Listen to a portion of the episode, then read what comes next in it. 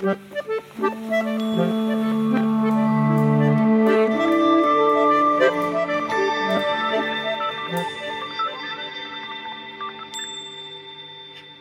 til podkasten Ytringsklima. Her snakker vi om hvordan vi snakker sammen på jobb. Jeg heter Øyvind Kvalnes, jeg er professor på BI. Og i studio i dag så har jeg en gjest, og det er Dorte Hagen, som er høyskolelektor i drama ved Høgskolen i Innlandet. Og så jobber du ved, i, på, i Kulturkompaniet. Velkommen, Dorte. Takk for det, Eivind. Så øh, jeg er nysgjerrig på hva du har lært gjennom å bruke drama og teater når du har jobbet i organisasjoner. Vi har jo jobbet en del sammen mm. eh, med ytringsklima i, på arbeidsplasser. Eh, så eh, Men kan ikke du fortelle, liksom, åpne med fortelle, hva er det eh, Hvordan kan man gjøre, bruke teater til å jobbe med i organisasjoner. Hvordan man kan bruke teater til å jobbe med ytringsklima i organisasjoner? Mm. Nei, det går vel litt sånn Jeg har jo holdt på med det i 20 år. Ja. Tenk litt på det når jeg skal gå inn her. Ja. det. Eh, og hvordan man kan gjøre det på en god måte, tenker jeg at eh, det handler om å gjøre ting konkret. Vi kommer jo, i hvert fall de gangene vi jobber sammen med deg, så handler det jo veldig ofte om å gjøre det i praksis. Og det handler jo veldig mye om det teatret på en måte kanskje gjør aller best. Det er jo å konkretisere og sette ting på spill. Så når det går på hvordan vi snakker sammen, og hvordan vi skal løse opp i uenigheter eller konflikter og sånne type ting, så, så får vi jo med alt i kommunikasjonen. Ikke bare det verbale, men også det ikke-verbale. Nettopp. Så en konkretisering er nok det jeg ser at vi gjør aller mest, da, å gjøre det praktisk. Ja. Mm. Vi har jo jobbet sammen, og da har, har dere f.eks. tematisert det med kritiske kvalitetsøyeblikk mm. på en arbeidsplass. Ja. Det vil si situasjoner hvor det neste som skjer nå, avgjør om dette kommer til å gå bra eller mm. ikke. Um, og, og, hvorfor tror du det er spesielt egna for teater? Istedenfor at det bare er professoren som står og forteller om det mm. og legger fram begrepene, så kommer uh, kommer teater? Jeg tror at i hvert fall den erfaringa vi har med det, er jo at når, når folk er i det i, i, jobben selv, så er man jo på en måte litt sånn i kampens hete. Det er jo når det skjer. Også når vi bruker teatret til å spille ut noen sånne situasjoner, så sitter jo deltakerne og ser på det, det vi kaller liksom one step removed, eller at du, du sitter jo dissosiert til situasjonen og ser det utenfra og inn, og så kjenner du deg igjen. åh, oh, akkurat der har jeg vært, for eksempel. Eh, så hvis det er en sikkerhetssamtale, eksempel, eller at man skal gi en tilbakemelding, så man har en idé som leder om at den skal jeg gjøre på den, måten, og så har du jo ikke kontroll over responsen, og så går du i en fallgruve, på en måte. Og og jeg tror det er lettere å få øye på de handlingsalternativene som man kan ha i den kommunikasjonen, når du ser det litt utenfra og reflekterer over din egen atferd. Um, så derfor så tror jeg at i kritisk kvalitetsøyeblikk så kan du på en måte se ting i reprise, eller kjenne deg igjen i noe som du har stått i sjøl, og begynne å tenke litt sånn hm, ja, hvordan er det jeg egentlig pleier å gjøre det, eller hva er det jeg bør gjøre annerledes neste gang, så du kan også undre deg eller utforske noen andre atferder, da, på en måte. Så, liksom. så, men, så er, vi er avhengig av at det er en slags gjenkjennelse ja. hos publikum. At de sitter og ser på en episode, mm. en hendelse, og så tenker de at eh, det der kunne, jeg, det kunne vært meg som sto der, eller det. Absolutt. Ja. Jeg tenker det er både gjenkjennelse og distanse. Ja. Så i den måten vi bruker å anvende teater på, særlig kanskje i Kulturkompaniet, så er det jo alltid, for vi har vært i uendelig mange ulike organisasjoner og universer, på en måte, så er det jo alltid det der i innsiktsprosessen med de vi skal ha som deltakere, å finne ut av ja, hva er det på en måte som er stammespråket her, som kan sikre at vi har en gjenkjennelse, men hva er det som må gjøre at vi kan skape en distanse, sånn at vi faktisk kan reflektere over atferd og hvordan ting er på spill her. For hvis det er helt identisk, 100% gjenkjennelse, så ber du på en måte deltakerne om å stå i sine egne sko, og da begynner du å gå inn i terapiløypa eller universet, og det ja. er jo ikke etisk. Liksom. Det er lett å åpne opp og vanskelig å lukke. Så det er jo en viktig sånn der, balanse mellom gjenkjennelse og distanse, egentlig. Mm. Ehm, hva slags eh, reaksjoner er du vant til å få når du kommer inn et sted hvor du ikke vet noe så veldig mye om hva de skal være med på, og de skal være med på dialogteater, f.eks.? Mm. Da er det ofte en litt sånn spenning i starten med 'skal jeg spille teater'? Er det mange deltakere som tror og tenker de har bare sett den tittelen, på en måte. Og så blir de som regel veldig sånn senka skuldre, liksom sånn pustelettet ut når de skjønner at det er profesjonelle. Det er skuespillere og folk som kan dette her, som skal gjøre det, og så skal jeg sitte og mene og analysere og undre meg. Da er de ofte litt letta ja. og glad. Ja. Og så er jo ofte responsen at eh, tida går veldig fort. For hvis vi klarer å treffe da, med gjenkjennelsen og distansen, på en måte. Um, og så er det jo nok Jeg tenker jo at eh, vi alle sammen har en sånn iboende lekenhet og egentlig litt sånn spillkompetanse i oss også, fordi vi har alle vært barn, og som regel frem til du er seks, sju, åtte år, så driver du jo med rollelek nesten hele tida. Det er liksom 14 timer i døgnet som regel. Prøver ut ulike roller og hvordan kan det se ut sånn, og hva hvis det var sånn, og Så det er jo noe med å, i starten for oss å invitere folk med på leken i Gåstein.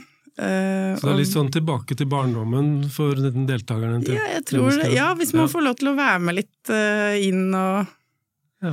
Og så tror jeg òg det er viktig det der at eh, vi kommer jo ikke inn for å fortelle folk hvordan de skal gjøre jobben sin. Og jeg tror det er mye monolog og enetale og liksom kvikke beskjeder når du går på sånn trening og utvikling i organisasjoner.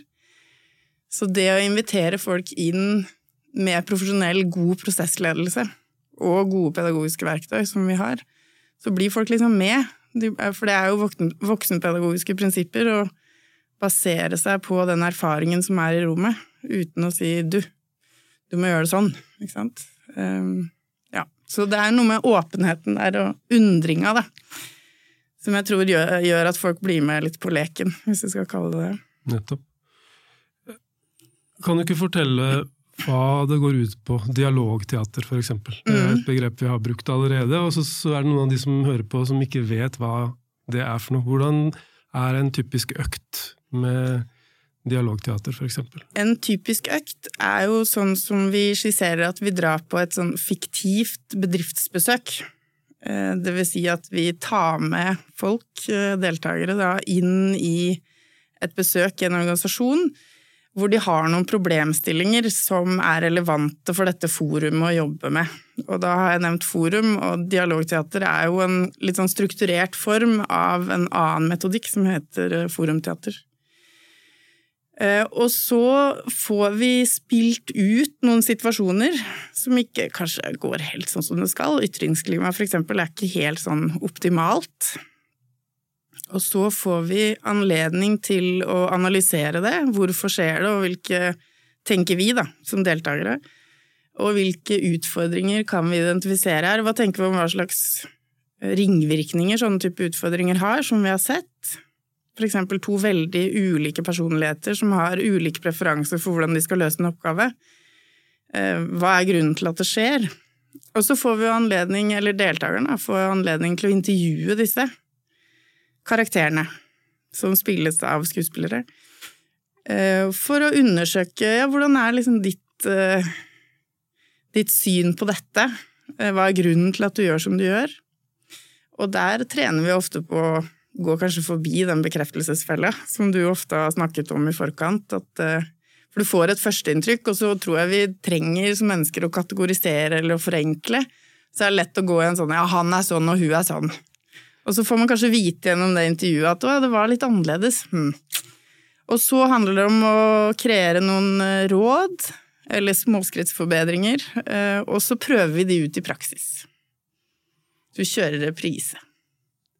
Noe av det jeg syns er mest fascinerende når jeg har sett det i aksjon, det er jo når de to skuespillerne som spiller hver sin karakter, går på scenen første gang, Mm. Så sier de ingenting, men de bare går fram til scene, på scenen, og så spør dere publikum hva, hva slags person er dette her? Og så kommer det sylskarpe karakteristikker. Og når først noen har begynt å karakterisere, så hiver andre seg frampå og sier at dette er en sta person, dette er en usosial person, osv. Og, så og dette skjer uten at den personen har åpna kjeften. Så det er ganske fascinerende å se hvor eh, kjapt vi danner oss et førsteinntrykk. Og det tror jeg er noe av læringen for de som sitter og ser på også. Absolutt. Helt enig. Og det slutter vel aldri å fascinere meg hvor, hvor, hvordan det liksom løper løpsk, hele det her eh, hvor, hvor, kort man trenger å egentlig se et menneske eller lage en opplevelse for at det førsteinntrykket bare Man gønner på, liksom, inni hodet med alle mulige mm, analyser og fortolkninger. Men jeg tror jo Vi er jo da i en kontekst hvor vi skal undre oss, og hvor vi skal skal tolke på et vis. Da. Men jeg tror jo veldig mange også da med en gang umiddelbart de aktiverer ulike erfaringer. Særlig når man er ja, i 30-40-50 år og har vært i arbeidslivet en del år, så har de jo utrolig mye erfaringer som aktiveres, som man da putter inn i dette. Og så ligger jo i metodikken og det at man kan forvente at kanskje det nyanseres litt, da. Så du, du jobber jo med ja, hvem man kanskje sympatiserer mest med først, og kanskje det snur seg litt, på et vis.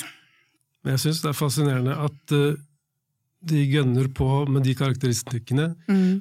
ofte etter at jeg har snakket med dem om bekreftelsesfellen, hvor lett det er å gå i den fella, og hvor lett vi leter etter uh, tegn som bekrefter den første oppfatningen vi har hatt. Da. Så da har jeg på en måte advart dem. Ops, ops, her oppe er det en felle! Og så en halvtime senere så går de i fella. Eh, så det er jo ganske tankevekkende. Jeg, jeg, en av mine grunner til å tematisere bekreftelsesfellen er jo å få folk til å bli bevisst på det og ikke gå i den fella. Så det er jo tydelig noe som trenges å, å jobbes med. Da. Absolutt.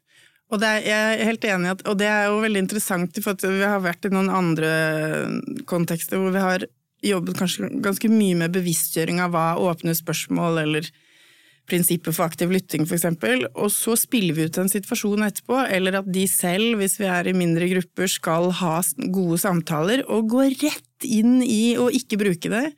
Så overføringen fra å være bevisst på noe og ha tenkt og liksom intellektuelt ha skjønt noe, til å gjøre det, er noen ganger ganske Det kan være vanskelig da, å, ja. å oversette det inn i egen atferd, som ja. handler om den treningsbiten.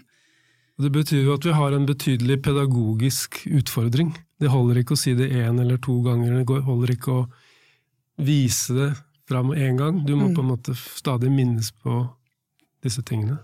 Ja, jeg tenker I den sammenhengen så blir jo bevisst på noen av dine kollegaer. Jeg har jo tatt HR-fag eh, her Human Resource Management. Og det er jo noe av de på en måte trening- og utviklingsprogrammene som man blant annet kan se at virker best, er jo on the job training. Tett på at du er på arbeidssituasjonen. Så det å dra på et konferansesenter og ha et kjempegøy event eh, og bra faglig innhold, er ikke nødvendigvis sånn at du da, det du tenkte når du dro fra det konferansesenteret, er det du begynner å gjøre med når du kommer på jobben din. Så det er noe med overføringen og oversettelsen til egen arbeidshverdag som er veldig viktig for at det skal virke, da. Ja. Eller endre atferd, hvis det er det som er målet. Ja. Men det er jo nok en sånn felles uh, utfordring. Hva kan vi gjøre for at det ikke bare blir gøy og moro og tankevekkende den dagen, men at det faktisk er noe de tar med seg inn i jobbhverdagen sin? Ja. Men uh, jeg har jo veldig sans for den måten å jobbe på, og, og, og, liker det, men jeg lurer på Hvis man skal overbevise noen som er skeptiske, og som står litt utafor og lurer på ja, det er teatergreiene altså, Hva er det man kan få til med teater, tror du, som det ikke går an å få til på noen andre måter? Det har jeg lurt på mange ganger. Ja. og er jo i de utfordringene stadig vekk, i og med at en del av arbeidslivet mitt på en måte er jo å være konsulent. Det er jo noe som jeg nevnte liksom innledningsvis, med at uh, du vil gjøre ting konkret, og at man får et sånn felles utgangspunkt hva, for hva vi skal diskutere. Tenker jeg er noe som teatret kan bidra med. Og det at vi setter ting på spill, er noe som det kan gjøre. Det kommer litt an på gruppestørrelse og sånne type ting. Uh, og så er det jo veldig ofte sånn at de kontekstene og de oppdragene på en måte som vi er, eller leveransene vi er inne i sammen, har jo et mål om å skape eller bidra, inspirere til en indre motivasjon som gjør at man vil endre noe. Og da tror jeg at hvis vi kan jobbe med det helt konkret og se på det, så, så er det en god inngang, da. Det er ikke alltid vi kaller det dialogteater. Da er det kanskje scenariotrening eller simulering eller Situasjonstrening er jo òg liksom i samme kontekst. Så det, det, handler jo litt om å gjøre det som teateret også gjør, og ta publikum på alvor, eller den som er i den andre enden, og høre hva er det det skal bidra til. Og så må jeg innrømme at noen ganger så tenker vi også at her kan vi egentlig ikke gjøre en jobb. så vi sier nei. Jeg har ikke tro på at det kommer til å virke. Nei, nei fordi at man vil Man ønsker for mye ut av en økt som man ikke ja. måtte ha riktig didaktiske forutsetninger for å få til. Ikke sant? Det er gruppestørrelse, og det er rom, og det er hvor mange, og ja, ja. alle sånne her ting. Men jeg tror, når jeg kikker på det, så handler det jo mye om konkretisering, som vi har mm. vært inne på. At ikke vi bare snakker litt sånn svevende om bekreftelsesfellen og litt svevende om kritiske kvalitetsøyeblikk, ja. men vi kan faktisk vise det på scenen. At uh, her er det noe som står på spill, og hvis ikke noen tar ordet her, så går det skeis. Eller hvis den som tar ordet, gjør det på en skarp, uvennlig måte, så kommer det skeivt ut. Ja. Og så ligger det jo òg veldig til teatret og, eller dramapedagogikken også, å se ting fra ulike ståsteder, eller perspektivtaking. Så det ligger jo latent i det, og også det her med å utforske og være nysgjerrig. Eh, og jeg tror det er en veldig sånn inviterende inngang. Fordi man spiller gjerne ut en situasjon eller noe som er gjenkjennelig, og spør hva tenker dere om det dere så nå? Og jeg kan jo ikke vite hva de skal tenke om det. Så det blir jo gjerne gjennomføringen også at vi er i dialog omkring hva som står på spill her, da. Ja. Uten at jeg kommer med svaret på hva det skal være. Ja. Eh, så det er jo en sånn Ja, det er jo den nysgjerrigheten i det. Selvfølgelig så er jo teatret bygd opp av mye konflikt, ikke sant. Spenning omkring motstridende krefter og Og det er jo noe som alle kjenner igjen fra livet, skal si. Men det, det som jeg syns dere er gode til, er jo også å vise at det nytter, på en måte. Og gi noen små eh, At det, du trenger ikke skape en revolusjon for å få to mennesker eller en avdeling til å jobbe bedre sammen. Du kan gjøre små eh, endringer, mm. ørsmå endringer egentlig, og starte opp ut fra det som allerede er der. Ja. Det som ganske ofte kommer til, til, uttrykk, tror jeg, er jo det her med aktør-brikke, som du òg snakker mye om. Men det å være fremoverlent, tilbakelent, eller hvordan man rammer det inn. Men det her å ta ansvar, altså medarbeiderplikten, er også noe som vi tematiserer noen ganger. At en leder kan jo ikke liksom tankelese hva en medarbeider eller et team mener, eller har utfordringer med. Og det å faktisk se det konkret, at nå er det for tilbakelent. Det er, det er, ingen som sier noe, eller det er ingen som gjør noe som gjør at det pushes i riktig retning. Det kan være ganske små nyanser. Og det her med kommunikasjonstrening og aktiv lytting som jeg var innom, i forhold til både å kunne for eksempel beherske forskjellen på åpne og lukka spørsmål, det er jo noe som mange tenker ja, ja, det kan jeg. Uh, og det gjør det helt sikkert. Men i tillegg å kunne se da at du må være stille etterpå for å få svaret. Eller å være hos den andre.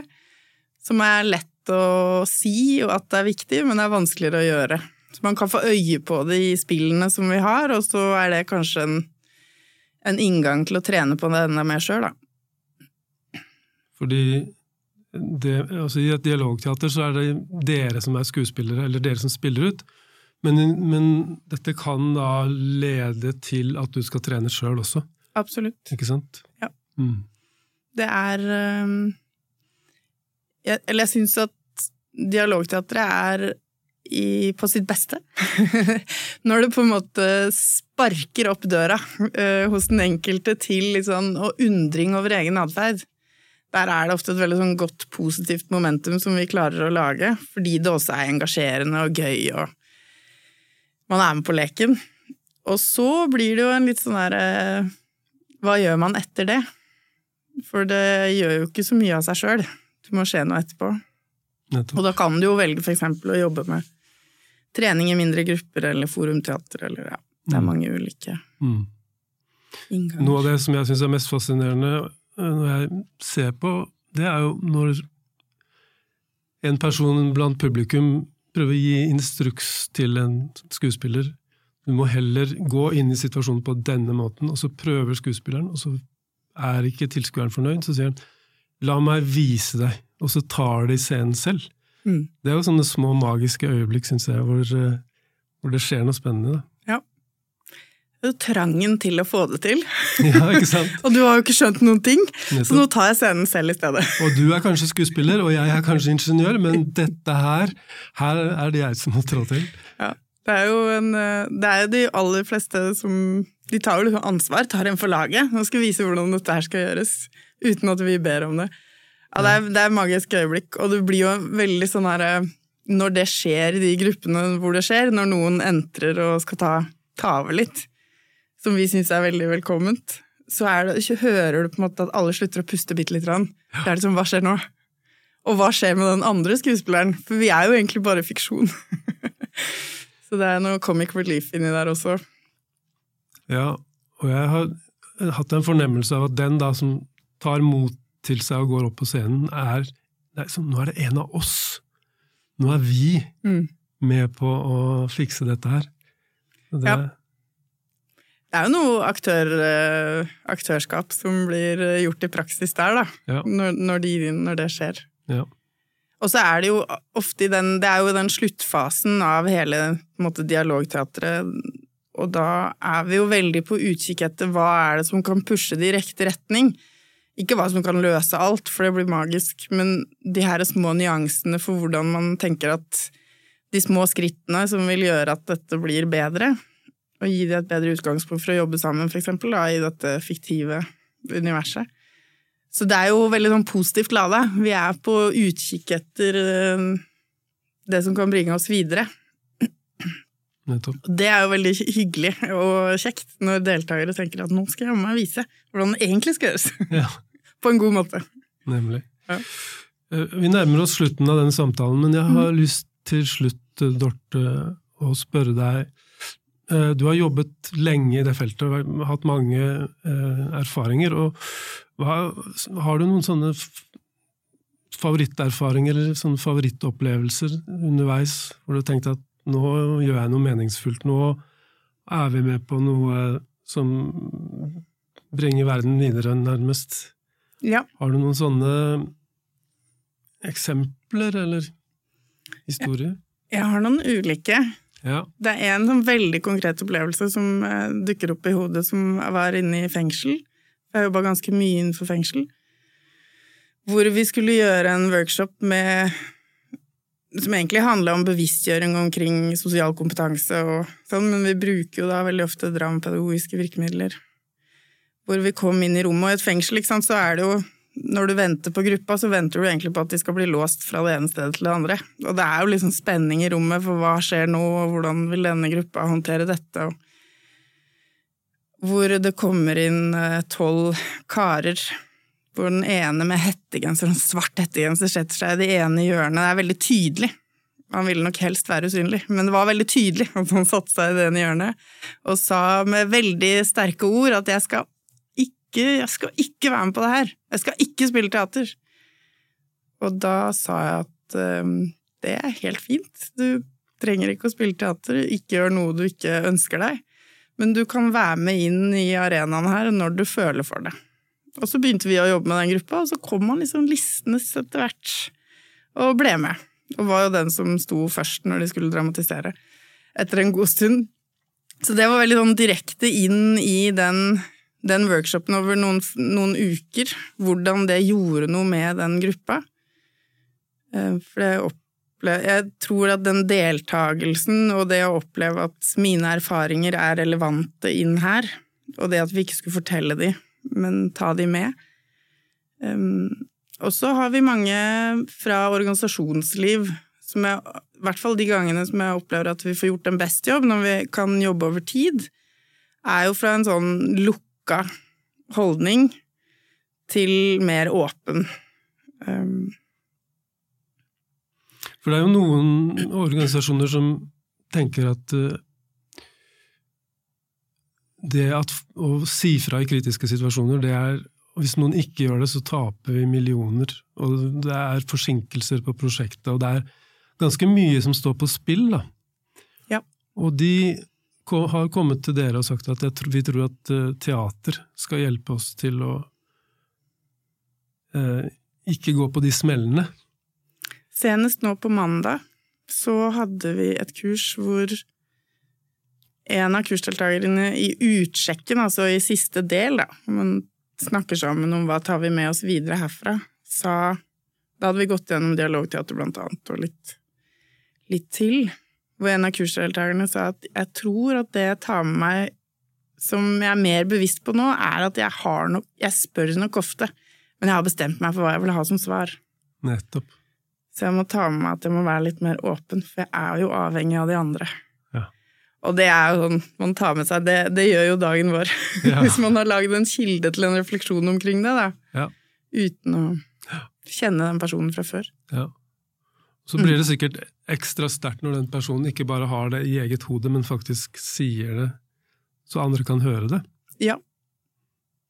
Ja, og det ligger jo òg til her, eh, den praktiske estetiske liksom, tilnærmingen nå, at du setter i gang hele sanseapparatet til mennesket i, i denne type pedagogikk, da. Ja. ja. Mm. Veldig spennende, Dorte. Uh, jeg tror vi nå har eh, lært mer om hva teater kan gjøre, og hva vi kan bruke teater til, som vi ikke får til på andre måter.